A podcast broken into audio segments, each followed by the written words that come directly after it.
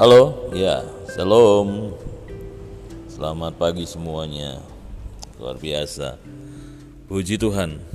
Kita ketemu lagi di pagi hari ini ya. Suasananya suasananya ya tetap mendung. Mendung-mendung ya. Tapi kita bersyukur karena tentunya sekali kebaikan Tuhan ya. Sekali lagi karena kebaikan Tuhan di dalam kehidupan kita. Amin. Ya. Saya berharap kita semua sehat, ada di dalam kekuatan ya, karena kita selalu ada di dalam Tuhan. Ya, pagi hari ini kita berbicara tentang apa ya? Mestinya kita selalu bersyukur karena apa ya? Karena ya Tuhan selalu ada dalam hidup kita, menyertai kita, memelihara kita. Kita melihat kalau kita memperhatikan ya, mungkin menjadi pelajaran buat kita semua bahwa kadangkala orang Kristen itu ya, yang harusnya ya, hidupnya itu ada perubahan yang yang signifikan dengan dengan ketaatannya kepada Tuhan, ya kan? Harusnya ada perubahan yang luar biasa ketika dia ya mungkin taat di dalam ibadahnya, taat di dalam banyak hal. Dilihat orang tuh oh, ke gereja setiap hari dilihat orang itu ya di orang Kristen yang luar biasa lah. Harusnya ada sesuatu perubahan yang signifikan dari dari hal-hal yang yang luar biasa itu ketaatannya. Tetapi sering kali kita melihat bahwa kok berbeda, kok gitu ya. Kok orang Kristen gitu ya? Loh, kok si A itu loh kok bisa seperti itu ya? Padahal dia dia taat loh beribadahnya. Nah, inilah yang yang kadangkala kita kita berpikir Kok bisa ya seperti itu padahal dia taat loh. Seringkali kita tidak memahami bahwa ketika orang taat kalau hatinya ini belum sungguh-sungguh mau dibentuk, maka yang terjadi adalah yaitu tidak e, maksimal walaupun dia so, dilihat orang seolah-olah itu taatnya luar biasa. Ya. Kalau kita melihat di dalam Ibrani 6 ayat yang ke-6 sampai yang ke-8. Ya, Ibrani 6 ayat yang ke-6 sampai yang ke-8. Namun yang murtad lagi tidak mungkin dibaharui. Sekali lagi, sedemikian hingga mereka bertobat. Sebab mereka menyalibkan lagi anak Allah bagi diri mereka dan menghinanya di muka umum sebab tanah yang menghisap air hujan yang sering turun ke atasnya dan yang menghasilkan tumbuh-tumbuhan yang berguna bagi mereka yang mengerjakannya menerima berkat dari Allah. Tetapi jikalau tanah itu menghasilkan semak duri dan rumput duri, tidaklah ia berguna dan sudah dekat pada kutuk yang berakhir dengan pembakaran. Tetapi saya ulang yang terakhir ini yang Kedelapan, tetapi jika tanah liat itu menghasilkan semak duri dan rumput duri, ya, tidaklah ia berguna dan sudah dekat pada kutuk yang berakhir dengan pembakaran. Sama-sama menerima air hujan, menerima air, menerima karunia roh Tetapi yang terjadi ketika sama-sama menerima air dan menghisap air artinya senantiasa ya menerima mungkin dia mendengar firman ya. Tetapi itu artinya air air kehidupan. Tetapi dalam hidupnya kok tumbuh yang namanya rumput ya. Tumbuh yang namanya apalagi tadi? Ya rumput menghasilkan semak duri dan rumput duri. Apa yang terjadi dengan orang demikian ya? Padahal ketaatannya luar biasa ya. Kalau kita teringat dengan ucapan Tuhan Yesus ya, mereka memuji Tuhan tuh hanya di bibirnya, ya kata Tuhan Yesus. Ya, tidak dalam hatinya. Percuma mereka beribadah ya. Itu kata kata Tuhan Yesus sendiri ya, firman Tuhan. Tuhan Yesus sendiri yang mengatakannya. Dan di zaman sekarang pun ada orang-orang demikian, hanya di mulut saja. Saya nggak tahu motivasi apa yang ada dalam hidupnya.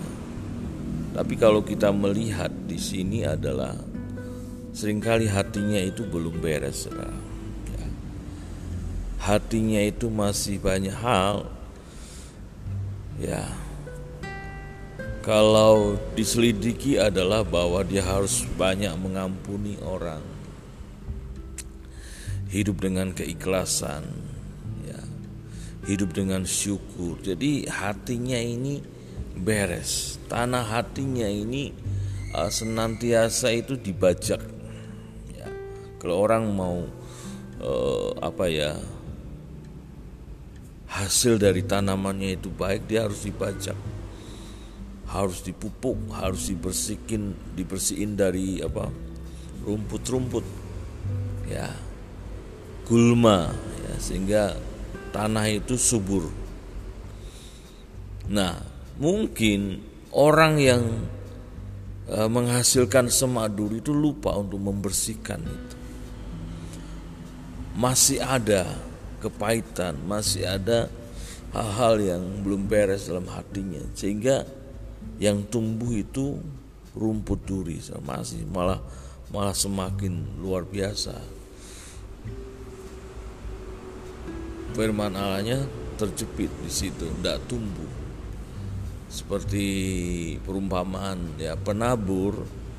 Ya, ada yang jatuh di pinggir jalan, ada yang jatuh di bebatuan, ada yang jatuh di semak duri. Nah, hati manusia ya demikian. Oleh karena itu dalam kehidupan kita Tuhan selalu mengatakan bahwa apa ya kita harus senantiasa mengampuni ya. Kalau kita tidak mengampuni, Bapak juga tidak mengampuni bereskan dulu hati kita ya kan?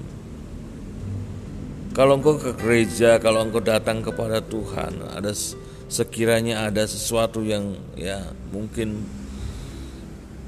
uh, belum beres dengan saudara atau apa yang masih menyimpan itu harus bereskan jadi memang benar bahwa hati yang bersih itu sangat penting walaupun seorang maha pendeta yang besar sekalipun kalau masih menyimpan yang namanya kepahitan itu hatinya belum bersih loh. Tidak mudah memiliki hati yang bersih. Ada pengampunan ada keikhlasan kan? Ada kerelaan itu luar biasa. Hati yang ikhlas hati yang rela jadi sesuatu yang yang bisa maksimal di dalam Tuhan, apa pun itu dalam pelayanan dan uh, dalam ya pelayanan dalam ketaatan kita dengan Tuhan itu tidak hanya dengan uh, tindakan saja, tetapi dengan hati ini loh. Hati ini harus benar-benar hati yang bersih Efesus 4 ayat 31 mengatakan segala kepahitan, kegeraman, kemarahan, pertikaian dan fitnah hendaklah dibuang dari antara kamu. Demikian pula segala kejahatan hendaklah dibuang. Itu mengotori. Nanti tidak maksimal kita di dalam Tuhan, ya kan? Nanti bisa menghasilkan semak duri, rumput duri. Jadi ya mau tidak mau dia harus mengampuni. Mau tidak mau harus membuang segala kepahitan kekeraman kemarahan pertikaian dan fitnah dibuang. Ya hati ini supaya hati ini apa? Bersih. Hati yang bersih ya luar biasa kan? Ringan hidupnya. Nggak ngurusi orang lain. Ya kan? Nggak ngurusi orang lain. Jadi hatinya bersih. Ada kasih. Nah ini luar biasa. Kalau sudah ada kasih itu harusnya. Nah ini. Tuhan Yesus sendiri mengatakan ya hukum yang terutama adalah kasih. Siapakah sesamamu, ya kan? Kalau orang itu punya karunia roh yang luar biasa, bahasa rohnya luar biasa dan segala macam, tetapi kalau dia tidak mempunyai kasih, tidak ada artinya. Artinya memang benar bahwa hidup ini harus segera dibereskan hati kita. Supaya kita maksimal di dalam pengenalan kita akan Tuhan. Harusnya firman Tuhan itu mengubahkan hidup harusnya. Tetapi ketika hati ini belum diperbarui, maka yang terjadi adalah ya seperti perumpamaan penabur ya jatuhnya di pinggir jalan, jatuhnya di bebatuan, jatuhnya di semak duri ya hasilnya tidak maksimal. Sedangkan ayat firman Tuhan di dalam 2 Timotius 3 ayat 16 mengatakan Segala tulisan yang diilhamkan Allah memang bermanfaat untuk mengajar Untuk menyatakan kesalahan Untuk memperbaiki kelakuan dan untuk mendidik orang dalam kebenaran luar biasa ini firman Nah, kalau kita ditegur oleh firman Tuhan, itu supaya membentuk hidup kita. Nah, firman Allah itu luar biasa berkuasa. Ya, kadang kenapa kita ya kenapa orang yang mendengar firman terus hatinya kesentuh gitu ya. Oh, iki ngomongnya aku iki, iki membicarakan saya ini Sesungguhnya Tuhan mau mengingatkan, Tuhan sedang uh, mengajar hidup kita, Dia sedang memperbaiki kita. Nah, di situlah letaknya bahwa supaya hati kita ini, siapa yang belum bersih hatinya, ya segera dibersihkan. Tanah hati kita, Tuhan selalu memberikan teguran demi teguran dalam hidup kita. Tetapi Maukah kita ditegur Tuhan? Kalau mau, luar biasa. Terjadi hal-hal yang luar biasa, perubahan yang dahsyat dalam kehidupan kita. Tetapi kalau tidak mau, ya udah semakin merajalela. Karena rumput durinya akan semakin tinggi, semakin banyak. Tapi mari dalam kehidupan kita kita memahami bahwa tulisan yang diilhamkan Allah atau firman Tuhan itu sangat bermanfaat. Ketika kita dengar firman Tuhan, ketika kita renungkan firman Tuhan, dan dan kita merasakan oh, Tuhan sedang berbicara dalam hidup kita, ya segera jangan keraskan hatimu kata firman Tuhan. Banyak orang mengeraskan hatinya karena dia tidak mau mengampuni, tidak mau ya melepaskan pengampunan ya. Tidak mau berbuat kasih karena ada kebencian dan iri hati dan banyak hal. Itu manusia.